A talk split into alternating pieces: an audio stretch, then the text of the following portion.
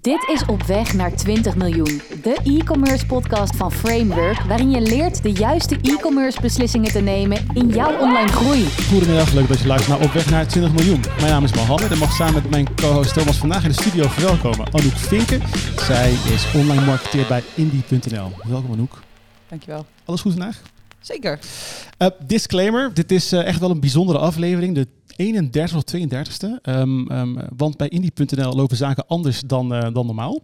Zij hebben namelijk een zelfsturend e-commerce team, Thomas. Um, waarom is het interessant om over te praten? Ja, nou ja, kijk, eh, degene die mij een beetje volgt als, uh, als, als ondernemer weet ook dat ik naast zeg maar e-commerce ondernemer van het digitale bureau ook iets met HR doe. Dus op het moment dat ik me aan het verdiepen was achter Indie, zag ik zelfsturend holacratie. Ja. toen dacht ik, oh, hier gaat mijn hart sneller van kloppen. Dit is iets waar ik meer over wil weten, zeker in de e-commerce sector. en daarnaast las ik een artikel over een van de founders, of eigenlijk de founder van, van Indie. die vertelde dat ze een van de snelst groeiende uh, technische groothandels zijn. Uh, uh, en ja, toen dacht ik van, daar moet volgens mij een linkje tussen te ja, daar moet een linkje tussen bestaan.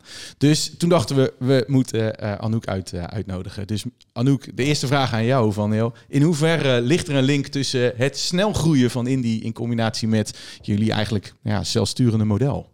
Uh, nou, wat ik daarover kan zeggen is dat uh, zelfsturing eigenlijk werkt met kleine stapjes, snelle veranderingen. Je bent wendbaar, ja, en dat zorgt er natuurlijk voor dat je ook snel kan groeien. Juist. Oh. En als we, als we voor de luisteraars eventjes holacratie, holacratie is het ook, uh, is, is in, op een simpele manier gaan uitleggen. Wat, wat is dat nou precies? Wat is dan zelfsturing en wat is holacratie? Um, nou, bij zelfsturing heb je geen managers, maar ga je er eigenlijk van uit dat iedere medewerker, iedere collega zijn eigen verantwoordelijkheden heeft, zijn autonoom en um, streven daarbij hun eigen doelen na, die dan weer in lijn staan met de organisatiedoelen.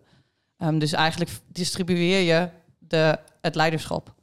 Dus betekent eigenlijk dat de founder heeft uh, gezegd van oké, ik leg de verantwoordelijkheid bij de medewerker in plaats van het hiërarchische model. Iemand is van bovenaf, stuurt het aan en daar zitten weer lagen onder. Dat is eigenlijk heel plat gezegd. Dus niet de bedoeling binnen holacratie. Letterlijk platte organisatie, ja. ja. Nou, je hebt eigenlijk twee pijlers waar je eerst aan moet denken. Dat is vertrouwen en transparantie, anders werkt het hele model niet. Dus je gaat ervan uit dat uh, je, medewerkers te vertrouwen zijn. Dat ze het beste met, nou ja, met het bedrijf voor hebben. En daarnaast moet alles transparant zijn. Dus er worden geen meetings meer gehouden achter gesloten deuren. Alles is voor iedereen zichtbaar. En um, in plaats van dat je zeg maar, de mensen verdeelt, verdeel je het werk. En met het werk verdelen bedoel ik rollen. Dus in plaats van dat je een functiebeschrijving hebt, voer je een rol uit. En dat kunnen er wel twintig zijn. Juist. En als we nou ook gewoon eens even heel simpel op jouw functie slash rol inzoomen, zeg maar. Online marketeer staat er op je LinkedIn. Uh, dat is het dan eigenlijk niet. Of in ieder geval nee. op een iets andere manier ingericht nee. dan. Nee. Zo ben ik wel begonnen. Um, gewoon als echt een online marketeer die bezig is met COC en noem maar op. Um, maar inmiddels ben ik leadlink van IndieFans. Dat is onze cirkel, dat is ons team. Um, maar ben ik ook campagnekoningin, ben ik ook live verbinder en noem maar op. En ja, al ja. die rollen hebben een bepaald doel dat het nastreeft. En, um, en dan moet ik zelf gaan bedenken per dag van, nou, waar moet ik mee bezig? Ja, dus je prioriseert, zeg maar, of prioriteert uiteindelijk ook je werk gewoon aan, aan de hand van die rollen. Ja. Waar, leg je de, nou ja, waar leg je nu de focus op? Maar, Ja. maar wel begonnen met als online marketeer. Ja. En toen was er geen holacratie. Nee, er waren nog managers. Aha. Kun, kun je ons misschien eens meenemen in hoe dat is gegaan? Hoe was het begonnen en waarom hebben jullie besloten om uiteindelijk over te gaan op een holacratie? Nou, um, onze founder, Siebrand, uh, die had er een keer over gelezen. En die had toen zoiets van, hey, dit klinkt eigenlijk best wel interessant en toekomstbestendig. Mm -hmm. um, vooral ook voor de nieuwe generatie, hè, die, die gewoon meer verantwoordelijkheid wil en meer vrijheid. Toen heeft hij eigenlijk een studententeam uitgenodigd om te gaan testen van, hey, is holacracy dan de organisatiestructuur voor ons of moeten we ergens anders naar kijken? Nou, zij waren het met ons eens. Um, en toen heeft hij gezegd, weet je wat, we gaan het implementeren. Maar goed, je kan niet in één keer zeggen, weet je wat, van de een op de andere dag, we gaan zelfsturing, we ja. gaan een doen. Um, dus wat we gedaan hebben, het ligt heel dicht tegen Agile en Scrum aan. Is gezegd van oké, okay, IT en marketingteam, dat is het makkelijkste team om naar Scrum over te laten gaan. Daar beginnen we mee. En vanuit daar kan je dan zeggen van oké, okay, dat worden dan ook de eerste teams die in cirkels worden gezet. En je begint dan eerst met een afdeling wordt een cirkel en later ga je dat weer veranderen. Maar dat is, je moet het klein beginnen, want anders dan, ja, dat, dan gaat het helemaal mis. Het ja. wordt één chaos. Ja, nou, dat kan ik me heel goed voorstellen. Ze- Zeker als je zegt van oké, eh, mensen met een bepaalde ja, verantwoordelijkheid. Ik zal niet zeggen opzadelen, want ik denk dat iedereen wel een bepaalde verantwoordelijkheidsgevoel. Maar dit gaat wel echt een stap verder dan dat. Ja, Het is dus niet zomaar van oké, ik doe iets, maar je, je, je, je, je hebt een hele belangrijke nou ja, rol in, nou ja, in, de, in, het, in de hele schakel. Dus dat is wel absoluut wel, eh, wel interessant. Wat ik, wat ik, wij hebben elkaar natuurlijk ook tijdens de webwinkel vakdagen eh, gesproken. En nou, toen hadden we als topic eh, dat je zei van oké, focus op de ideale klant. Zorg ervoor, eh, ik heb hem even voor mezelf opgeschreven, 15% minder kosten, 17% meer omzet, zeg maar. Nou, toen dacht ik van, ik wil ook wel eens weten hoe dat dan, hoe dat proces dan is gegaan vanuit. Nou ja, normaal gesproken zou er iemand in een organisatie, hiërarchisch gezien, zou zeggen van we moeten daar iets mee. De manager die vertelt dat dan door. Maar hoe gaat dat dan in een organisatie zoals jullie? Wie, wie vindt dit dan dat dat zo is? En hoe gaat dat dan verder in zijn werk? En dat begint eigenlijk altijd bij een bepaalde spanning die je voelt. Je ziet dat je dingen aan het doen bent, maar dat er geen focus is en dat er eigenlijk niet echt een bepaalde lijn is. En ehm, we hadden eigenlijk begonnen spanning met het feit dat we niet alles konden meten. Toen dachten we, we moeten marketing automation inschakelen. En ehm, daar ben ik toen naar gaan kijken. Toen heb ik op een gegeven moment een bureau aangehaakt. En die heeft gezegd van, hé, hey, maar moet je niet eerst eens gaan kijken wat je favoriete klant is? Ehm, toen zijn we met hem in gesprek gegaan. Maar toen heb ik direct gezegd: Oké, wacht even. Jesse, mijn andere collega, die is verantwoordelijk voor de, de voorkant van de website. Die moet ik daar ook bij betrekken. Want die gaat heel veel met de klant in gesprek en weet ook wat onze favoriete klant is. Vervolgens Sibran met al zijn kennis van het hele bedrijf en noem maar op. Weet je, jij moet daar ook bij aanhaken. En vervolgens zeg je: Oké, dan gaan we dan rollen voor aanmaken. Want dit is een project waar we even mee bezig gaan. Zodat iedereen weet van: Oké, deze mensen zijn daarmee bezig en daarom voeren ze andere rollen niet uit.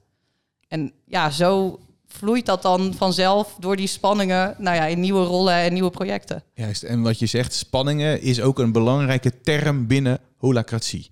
Ja, dat, dat is is- de, de drijfkracht. Ja, Als je juist, geen spanning hebt, dan gebeurt er zeg maar niks. juist. En spanning betekent Aha. eigenlijk, is dat, is dat s- Ik dacht, je spanning de- een spanning, weet je wel. Er is, ik, ik weet niet wat, er is een probleem of... Maar dat Ja, is het je niet. voelt iets wat, voelt- wat niet goed gaat. Dus bijvoorbeeld, er wordt iets niet Ja. uitgevoerd. Of eh, ehm, elke week gaat hetzelfde fout. Da- daar moet iets mee. Maar iedereen kan daar wat van vinden en dat inbrengen. En vervolgens kan er dan gezegd worden, weet je wat? Dit gebeurt elke week, dit is terugkerend. Daar moet een rol voor komen. En dan vervolgens kan de lead link, zoals ik bijvoorbeeld zeggen van... Grappig. Weet je, deze persoon die heeft deze talenten, die zou die rol heel goed kunnen uitvoeren. Maar dat betekent niet dat diegene daarvoor aangenomen is. Kijk, je moet wel nagaan dat er allemaal spelregels zijn. Dus het is niet zo van, oké, eh, we zijn zelfsturend en we doen maar wat. Er zijn hele strakke spelregels. Aha.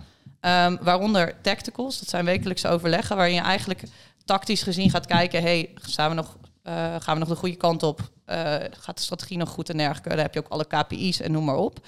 Maar daar heb je ook een live agenda... waar je dus spanningen kan inbrengen. Dus als jij die spanning hebt van dit en dat gebeurt niet...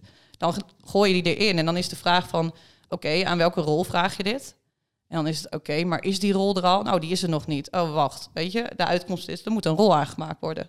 En dan vervolgens eh, wordt die rol aangemaakt in een andere meeting. Een governance noem je dat dan. En ehm, dan is het probleem van de lead link om die in te vullen. Is het een kwestie van alleen maar het leren van terminologie en, en, en trucjes en spelregels? Of heb je hier ook een bepaald karakter of een bepaald persoon voor nodig? Ja, dit, dit kan niet iedereen. Dat, Ah. Je moet dit wel leuk vinden. Je moet, het leuk, je moet een hoog verantwoordelijkheidsgevoel hebben. Ehm, je moet het leuk vinden om ehm, nou ja, of naar doelen te streven en dat alles op jouw schouders ligt. Eh, dus dat je niet kan kijken van oké, manager, vertel me even wat ik vandaag moet gaan doen. Je moet echt alles zelf bedenken. Ehm, ja, wat nog meer? Wij nemen niet iedereen aan, laat ik dat zeggen. Mhm. Dat, het, het is wel belangrijk dat ze passen binnen de organisatie en dat ze dit ook leuk vinden. Ehm, want anders werkt het niet. Als jij niet eh, met spanningen gaat komen, dan, ja, dan verzuip je in je werk. Ja, juist. Nou, wat ik dus ook wel heel erg interessant vind, want jullie zijn, ik weet niet of ik dat zo mag zeggen, een soort van spin-off uit een conglomeraat. Jullie komen vanuit Kramp, hè, eh, Ja. agra- agrarische, ja, ik noem het hem even groothandel. Volgens mij zag ik, las ik 2025 ongeveer anderhalf miljard als doel, zeg maar. En dan kom je eigenlijk als een soort van satelliet, soort van eh, raketje. en die gaat totaal iets anders doen. Hoe, hoe kijkt zo'n organisatie dan naar wat jullie aan het doen zijn? Eh, Eigenlijk wij daar een beetje op uitgeoefend? Of- Oké, juist. juist. Ja. Maar is het dan ook dat ze zeggen van, oh, we willen andere, nou ja, laten we zeggen, dochtermaatschappijen op een bepaald moment ook op die manier gaan, eh, gaan inrichten? Want zo'n zo'n conglomeraat, ja, daar, daar zit denk ik laag op laag op laag op laag. Dat is Dat zeg klopt. maar traditioneel georganiseerd. Ja. Ja, nee, maar ze nemen wel dingen van ons over. Dus als ze zien dat iets goed gaat, dat iets werkt, dan nemen ze het wel over. Uh, maar goed, voordat daar een beslissing is gemaakt, dan Ja, hè, dat is de hiërarchie. Dat duurt ietsje langer. juist. Dus, ehm, maar ja, je kan ook nagaan dat wij wel, eh, nou ja, shareholders hebben. Waar, ehm, wat natuurlijk voor de founder die dat dan heeft geïmplementeerd, die heeft gezegd, we gaan zelfsturing doen. Dat is best spannend. Ja, Ehm, waar hij eh, een paar jaar geleden nog zei, ik weet niet zeker. Zo van, ik geloof er wel in, maar ik vind het allemaal wel spannend. ja. Ik heb hem laatst nog gevraagd van, zou je het weer doen? Of heb je er spijt van? Zei hij, nou, ik zou echt zonder knikken of blozen zou ik het weer doen. Ja. Sterker nog, ik zou het niet eens erg vinden als ik niet meer zou werken. Ik vertrouw dat iedereen ehm, het bedrijf gewoon voort kan zetten. Juist. Indie.nl. Wat is Indie.nl een technische groothandel? Kun je het even toe- toelichten? Eh, ja, we verkopen eigenlijk technische onderdelen aan de nou ja, technische markt, de industriële markt. En ehm, nou ja, daarbinnen, je, je kan echt van gereedschap tot hydraulische pompen en dergelijke bij ons Mhm. krijgen.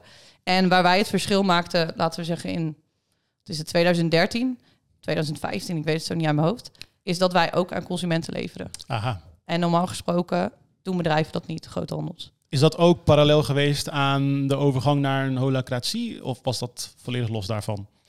Ehm, ja, het was wel een gevolg van, denk ik, dat we dingen anders gingen doen. Aha. Accountmanagers eruit, niet meer langs klanten gaan, alles online.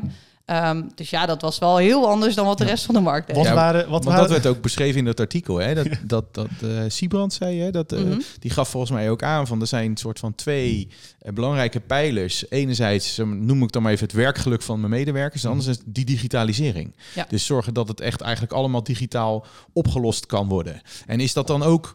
Hè, naast dat je een enorm, eh, eh, nou ja, ik zou bijna zeggen, innovatief model, eh, bedrijfsmodel hanteert, eh, eh, is dat ook zeg maar de drijvende kracht achter jullie succes? Die digitalisering? Zorgen dat eigenlijk dingen alleen maar digitaal gaan?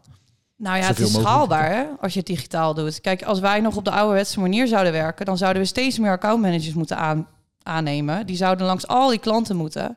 Ehm, ja, dat, dat kost enorm veel geld. En iedereen kan bij ons bijna alles op de website zelf doen. Eh, ze hoeven niet per se te bellen. Ze kunnen direct klant worden. Ze kunnen direct bestellen. Er zit geen tijd tussen. Ja, dat, is, dat doet de rest van de markt niet. Nee, want als je, als je nou naar zo'n groothandel, dat eh, eh, hoor je vaker, dat zo'n proces van klant worden bij een groothandel vaak gaat over een aantal schakels. Eh, iemand die wordt klant, wordt die eerst vervolgens door nou ja, de, de, de, de afdeling die dat beoordeelt, gaat die zeggen van ja, is iemand wel kredietwaardig? En Ja. nou, hoe werkt dat bij jullie dan? Is dat, want je zegt alles gaat digitaal, je kan gelijk bestellen. Is daar dan, ja... Nou, zijn- moet ik wel zeggen dat de kredietcheck, die wordt wel gedaan. Maar dat heeft er alleen maar mee te maken of je achteraf mag betalen of niet. Oké. Ehm, en eh, vervolgens heb je, ja, jij bent een groothandel, dus je krijgt inkoopprijzen. En op basis van eh, welke klant het is, daar zijn een aantal regels voor, eh, kunnen, kan eigenlijk iedereen bij de klantenservice zeggen: Oké, je krijgt deze prijslijst. Oké. En, dat, en, en, en, en de regels zijn dan een aantal criteria waar je als bedrijf aan moet voldoen. En dat kan betekenen omvang, eh, noem, maar wat. Noem maar eh, op. eh, weet je, en dan kan je wel al een andere prijs krijgen dan bijvoorbeeld je buurman. Die dan net iets, iets in andere criteria va- Ja. valt. Ja, ja. En dat willen we ook automatiseren hoor. Mm. Alleen, ja, eh, stapje voor stapje. ja juist. Wat, wat is het aandeel B2B eh, en B2C? Ehm, nou, qua omzet is het wel echt, wat zal het zijn, 90-10 of zo. Eh, maar qua aantallen is het nou bijna 50-50.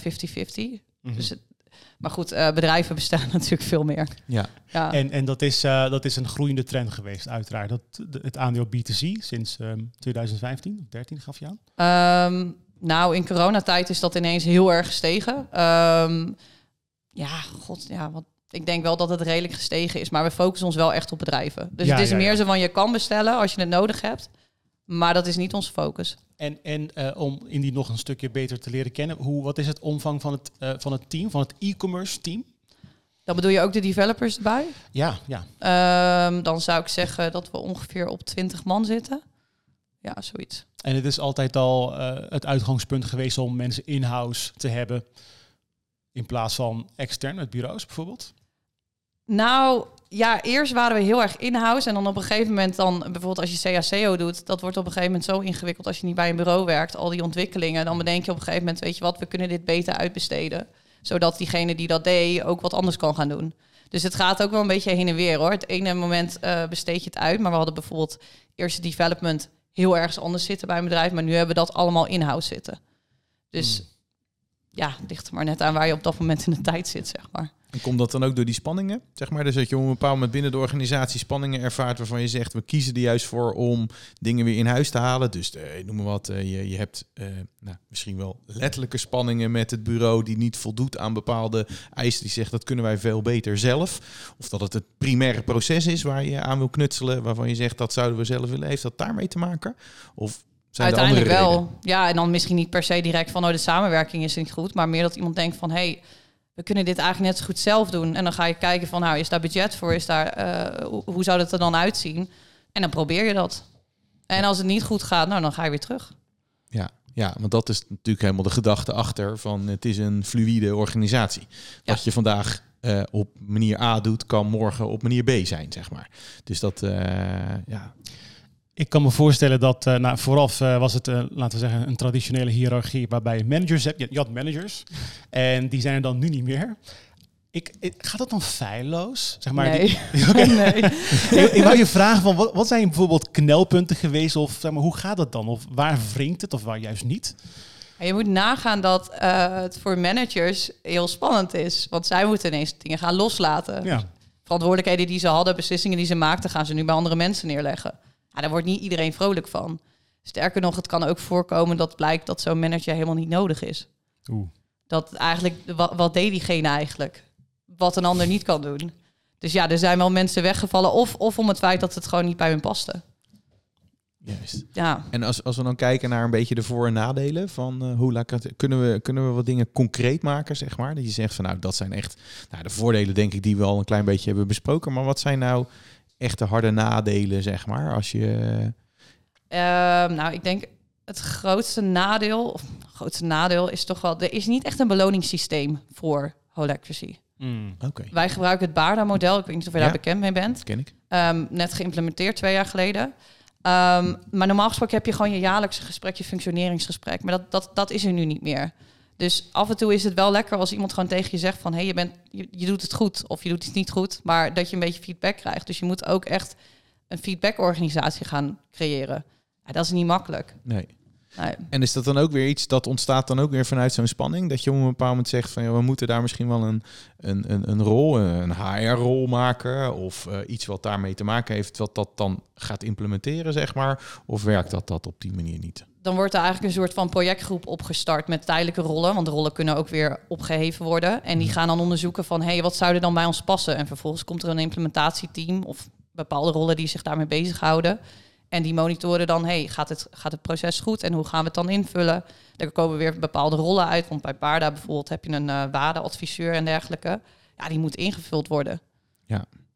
Maar Ja. dat is wel lastig. Ja, dat, dat, dat geloof ik. Dat geloof ik. En dat is eigenlijk wat je zegt wel een, een belangrijk nadeel. Of in ieder geval iets wat, eh, waar je over na moet denken op het moment dat je dit, eh, dit gaat doen. Want wat ik op zich ook wel interessant vind van joh.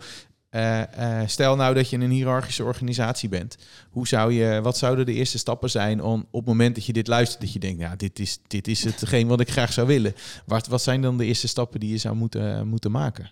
Ten eerste klein beginnen. Dat, dat is het allerbelangrijkste. En als je nog geen Scrum hebt, begin met Scrum. Um, en nou ja, schakel ook gewoon professionele hulp in. Want je, je gaat dit niet alleen kunnen implementeren. Um, dus begin eens mij een team, maak daar een cirkel van. En ga eens aan de slag met die meetings die je hebt. En um, maak die rollen aan. Uh, hou je werk bij. Want je gaat, in, je gaat niet meer zeggen van oké, okay, dit is mijn werk. Nee, ik ben met een bepaald doel bezig. Dus ik wil ervoor zorgen dat wij zoveel mogelijk, naar die teuntechneuten waar we het over hadden, ja. dat wij aan het einde van het jaar uh, 8000 klanten hebben. Maar wat gaat mijn rol daarin bijdragen? Ja, en dat is dus weer die cirkel in die fan, waarvan ja. jullie hebben gezegd van oké, okay, dat valt in mijn cirkel. Mijn purpose, mijn doel is dus meer teuntechneuten. Mhm. Mm-hmm. En daar is dus waar je dus al je activiteiten ook op richt. En waar dus allerlei rollen uiteindelijk ook weer ont ontstaan op het moment dat er spanningen zijn. Ja. Ja, ja, juist. Hey, en, en als je dan, want dat is denk ik het, het belangrijkste, hè? een stukje wendbaarheid, maar innovativiteit denk ik ook. Hè? Je bent als organisatie een stukje in. Kan je daar voorbeelden van geven van wat je misschien wel ten opzichte van wat je in het verleden deed, ten opzichte van wat je nu doet, hoe snel die innovatie gaat? Want mijn gevoel zegt, als ik dit zo beluister, dat een heel groot deel van het succes heel erg zit in het feit dat je heel dicht op die markt zit en dat je uiteindelijk ook uh, heel snel beslissingen kan nemen met elkaar om iets anders te gaan doen of ergens op in te spelen. Is dat ook iets, heb je daar voorbeelden van? Dat je kan zeggen, nou, dat is heel concreet. Um, zien? eigenlijk zijn dat hele simpele voorbeelden. Dus bijvoorbeeld, wij hebben developers bij klantenservice in zitten en bij onze productspecialisten. En als die zien dat iets op de website niet werkt of dat een klant ergens problemen mee heeft, ja, ze zitten in dezelfde cirkel. Dus ze kunnen direct diegene aanspreken. Het komt op de backlog en de lead link of de PO kan direct zeggen: Oh, dit is zo belangrijk, dit moeten we direct doen. Dus je kan echt direct problemen oplossen zonder dat je helemaal een business case hoeft te schrijven. En weet je, als het niet werkt, dan doen we het morgen weer anders. Ja. Dus je kan echt heel snel beslissingen maken zonder daar hele, hele lange verhalen en presentaties voor te houden. Hey, en als ik dan, ik probeer het dan even voor mezelf eh, eh, voor me te zien. Dan zeg je, een developer zit in, dan in, een, in een cirkel rondom, nou ja, noem het maar even klantenservice, customer care of eh, wa- wa- wat dan ook. Maar die zit ook in andere cirkels. Daar kan natuurlijk ook een spanning ontstaan. Want we hebben maar 40 uur in de week. En Mhm. als daar net een ander verzoek ook is geweest, wat betekent dat dan voor die developer, zeg maar? Hoe, hoe werkt dat dan? Nou, als zij echt daar heel veel spanning mee hebben, in principe mogen ze het zelf prioriteren. Hè? Dus als zij vinden dat die ene rol meer prio heeft dan de ander, dan is dat aan hen. Want weet je, mensen kunnen zelf ook wel bedenken wat belangrijk is. Daar heb je niet, geen manager voor nodig, zeg maar. Nee. Ehm, maar stel dat dat tot spanning leidt, dat die, dat die andere cirkel zegt van... hé, hey, er wordt hier niet genoeg werk gedaan. Dan is de eerste stap dat die twee leadlinks met elkaar in gesprek gaan. En gewoon gaan afstemmen van... hé, hey, hoe gaan we dit in de toekomst beter doen? Ehm, hoeveel tijd daar of hoeveel, hoe je het ook wil doen. En als je er echt niet uitkomt, dan heb je nog de bovenliggende cirkel... waar dus Siebrand de leadlink is. En die kan dan zeggen, hé, hey, vanuit Indie gezien... heeft dit meer prio dan dat. Juist, en dat is die soort van strategie-cirkel waar je het wel eens een keer over had. Dat je Ja. zegt van oké, die staat eigenlijk overal. En dat is de, de purpose of het doel van Indie zelf. Precies. Dus die kan daar dan nog. Dus lijkt, lijkt dat dan toch nog een vorm van eh, hiërarchie slash verschil in verantwoordelijkheid te liggen dan in die er zit cirkels? zeker hiërarchieën in, alleen op strategisch niveau. Ja, ja. Juist. Dus ehm, Mhm. en dat, dat is ook belangrijk, want anders dan gaat iedereen maar wat doen en heb je niet hetzelfde doel. Nee, juist. Dus dat is eigenlijk die verbinding die zit daar dus heel erg tussen. En die, nou ja, laten we zeggen, cirkels vallen in één grote cirkel. Ja. Ja. Maar iedereen kan bij de overleggen van die cirkels zijn. Dus het is niet zo dat dat een MT is wat in een hokje gaat zitten en ehm, nou wel even de strategie gaat bepalen. Nee, als Ja. jij wil weten hoe dat eruit ziet, of, dan, dan mag je daarbij zitten. En bijzitten betekent ook inbreng? Ja. Ja, ja. Dus jij mag daar ook iets van vinden en aangeven van oké, jij roept nu iets van dit is, eh, nou ja, ik noem maar wat, je wil over een aantal jaar dit bereikt hebben, maar ik zie dat toch wellicht anders. En Ja, dat je je- daar dan input op levert. Dat mag. Ja. Dat betekent niet dat, dat uiteindelijk is natuurlijk die leadlink eindverantwoordelijke. Dus die kan wel bepalen van, nou ja, goede input, maar daar gaan we ehm, op dit moment nog niks mee doen. Ja. Ehm, maar goed, als die spanning maar terug blijft komen, dan Ja, voelt hij zelf ook wel aan dat hij er iets mee moet. Ja, Precies. Juist. Ik, ik hoor een aantal dingen. Ik wil zien, wil ik ook wel terugkomen op de vraag van, van Thomas eh, aangaande innovatie. Wat ik, wat ik eigenlijk net zelf een beetje hoorde was trage besluitvorming in bedrijven. mhm. Als er een probleem is, dan wordt die opgebeld, die moet het neerleggen bij die en dan moet die andere gaan beoordelen. En nou, dat gaat dan drie stappen verder, dan ben je, ben je heel wat tijd kwijt. Maar jij geeft aan, joh, wij schakelen gewoon heel snel. Ja. Ehm, daarnaast hebben we inderdaad dat stukje van innovatie. Is er ook een voorbeeld waarin je kunt aangeven dat, dat stukje, het stukje innovatie ook zeg maar, van de grond komt? Want bij de meeste bedrijven, kijk, je hebt natuurlijk je werkzaamheden en je wordt gemanaged op je werkzaamheden. Is het af? Ja, nee. Dus je hebt weinig ruimte over voor, hey, nadenken over iets nieuws. Ja. Of zullen we die nieuwe tool eens even uitproberen? Ehm, dus, dus kun je ook een voorbeeld geven van waar die innovatie echt van de grond komt? Dat iemand met een idee kan komen, dat dat wordt geïmplementeerd? Nou, dat zit hem ook met name in die talentontwikkeling, hè, wat Hol- Holacracy eigenlijk toelaat, doordat je alles kan doen wat je wil. Ja. Ehm, tenminste, je kan solliciteren op rollen en die kan je vervolgens uitvoeren. Mhm. Maar al die rollen hebben ook een eigen budget. Dus zeg maar, ik heb een budget voor de indie fancirkel. Maar al die rollen hebben ook een eigen budget. En ik heb niks te zeggen over wat zij met het budget doen. Dus als zij een nieuwe tooling willen, eh, willen gebruiken... ehm, bijvoorbeeld, eh, ehm, we willen nu van eh, WordPress... willen we alles op onze andere website zetten. Als zij daar budget voor hebben, dan, dan mogen ze dat doen. En dan zijn ze vrij om dat uit te voeren. En dan kan ik daar niks van vinden. Gebeurt dat ook? Ja, op dit Want dat- moment gaan we alles terugzetten naar de website. Ja, zeker. Want dat is het interessante, hè? want veel bedrijven hebben dat dan in hun beleid staan. Alleen dat, daar is dan ergens ruimte voor wat direct wordt opgeslokt door, door brandjes en van alles en nog wat wat Prio heeft. Maar het lukt ook daadwerkelijk om de mensen die ruimte te geven en tot die innovatie te komen. Ja, maar dat is dus ook wel weer een van de valkuilen. Want eh Siebrand die moet dus eerst loslaten. En ook Aha. echt denken van, oké, weet je wat? Maar hij checkte eerst altijd mijn budget nog. Ja, Van ja. oké, waar geef je het dan allemaal aan uit? En nu doet hij al drie jaar, zegt hij... Ja, maar het maakt me niet uit. Ik ga ervan uit dat je het weet. En hetzelfde geldt voor dan weer mensen bij mij in de cirkel. Ehm, die moet ik ook ruimte geven. En in het begin was het altijd nog... ehm, ja, is het goed als we dit en dat daaraan uitgeven? Dan zeg ik altijd, ja, maar dat is jouw budget. Moet je Ja. zelf weten. Ja, ja. Ik, ik heb dus twee dingen had ik gesignaleerd. Eén, besluitvorming, dat het nu sneller gaat. Eh, innovatie hebben we ook een voorbeeld van ge- gegeven. Eh, een derde die ik nog wil navragen is het stukje betrokkenheid. Want je geeft inderdaad heel mooi aan dat iedereen op een hele mooie manier samenwerkt.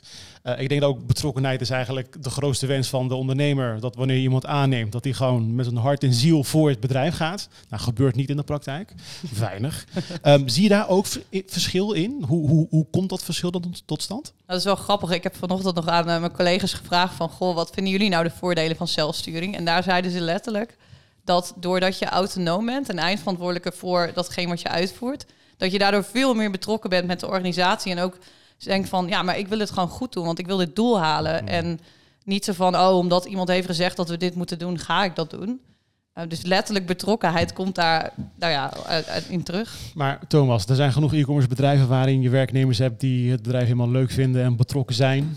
Misschien heb je holacratie helemaal niet nodig. Je kan toch kan, kan toch ook zonder?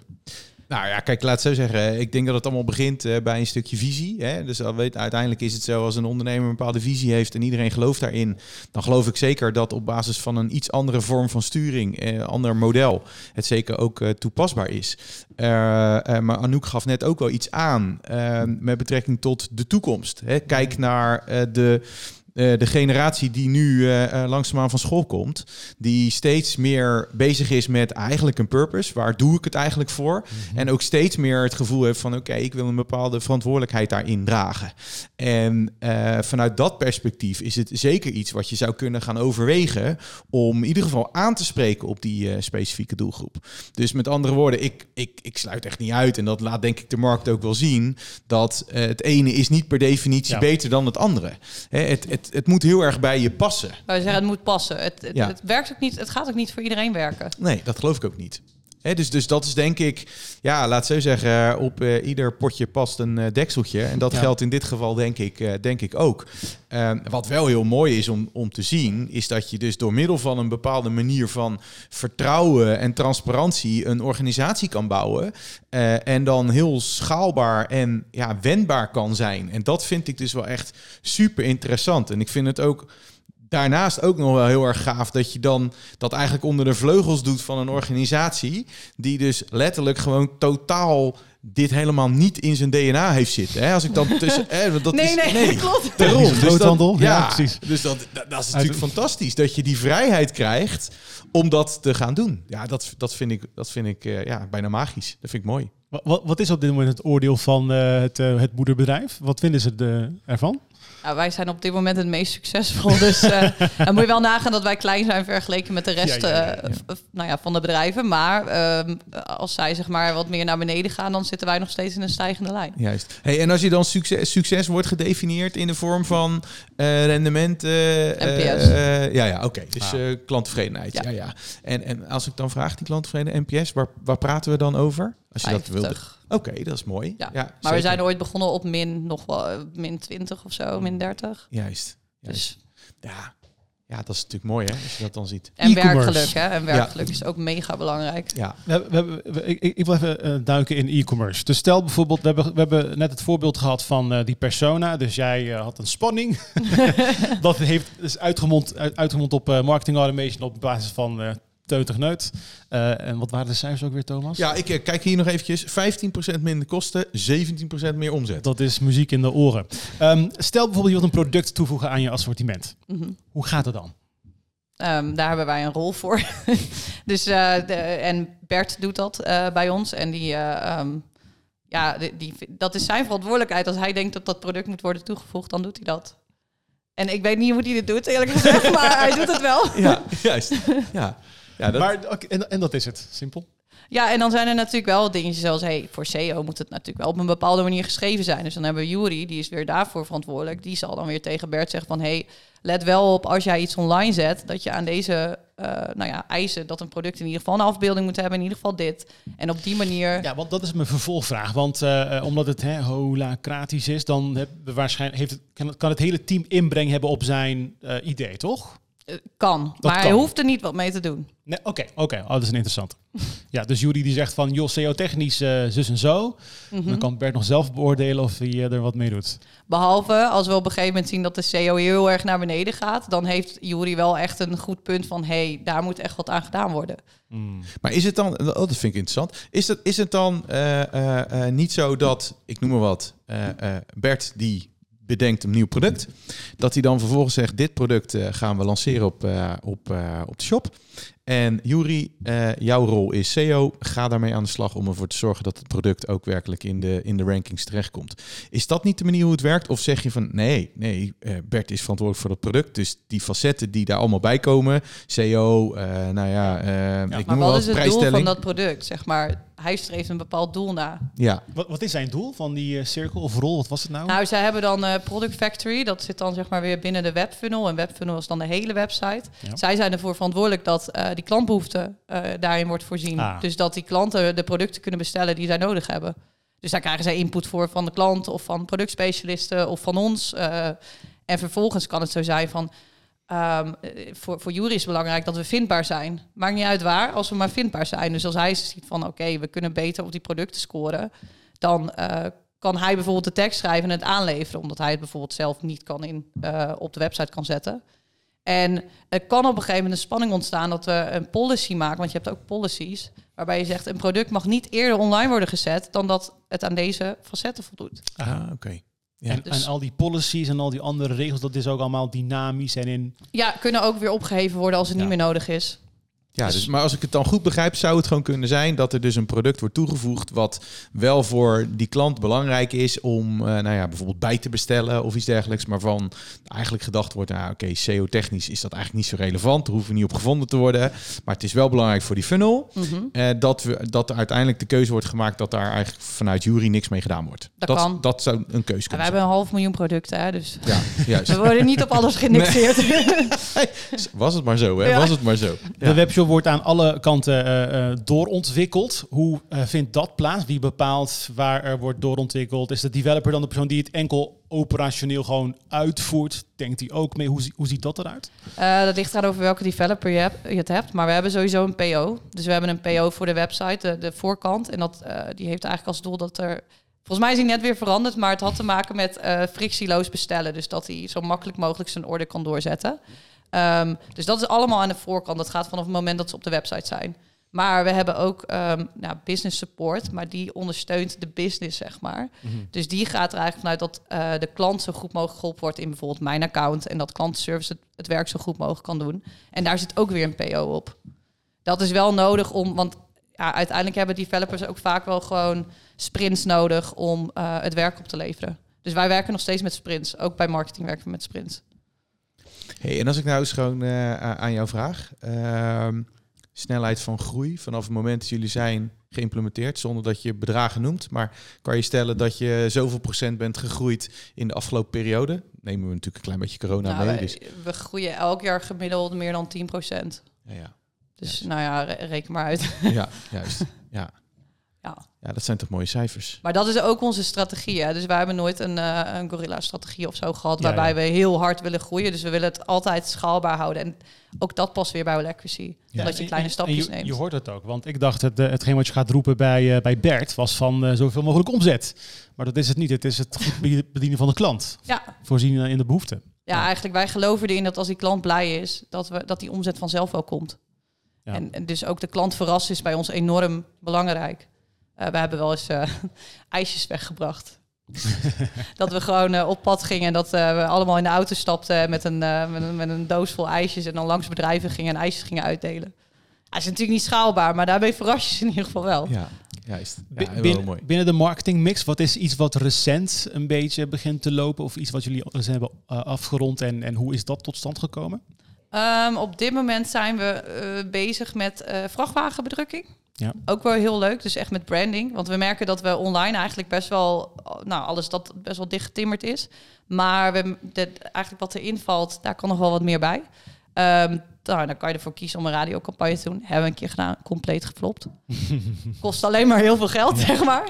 Ehm, nou, je kan een tv-reclame doen, je kan uh, posters ophangen. Maar goed, uh, onze uh, klanten, die rijden elke dag naar het werk toe. Die zijn constant onderweg, die zijn altijd op de klus. Dus ja, als je vrachtwagens hebt rijden, die zien ze wel.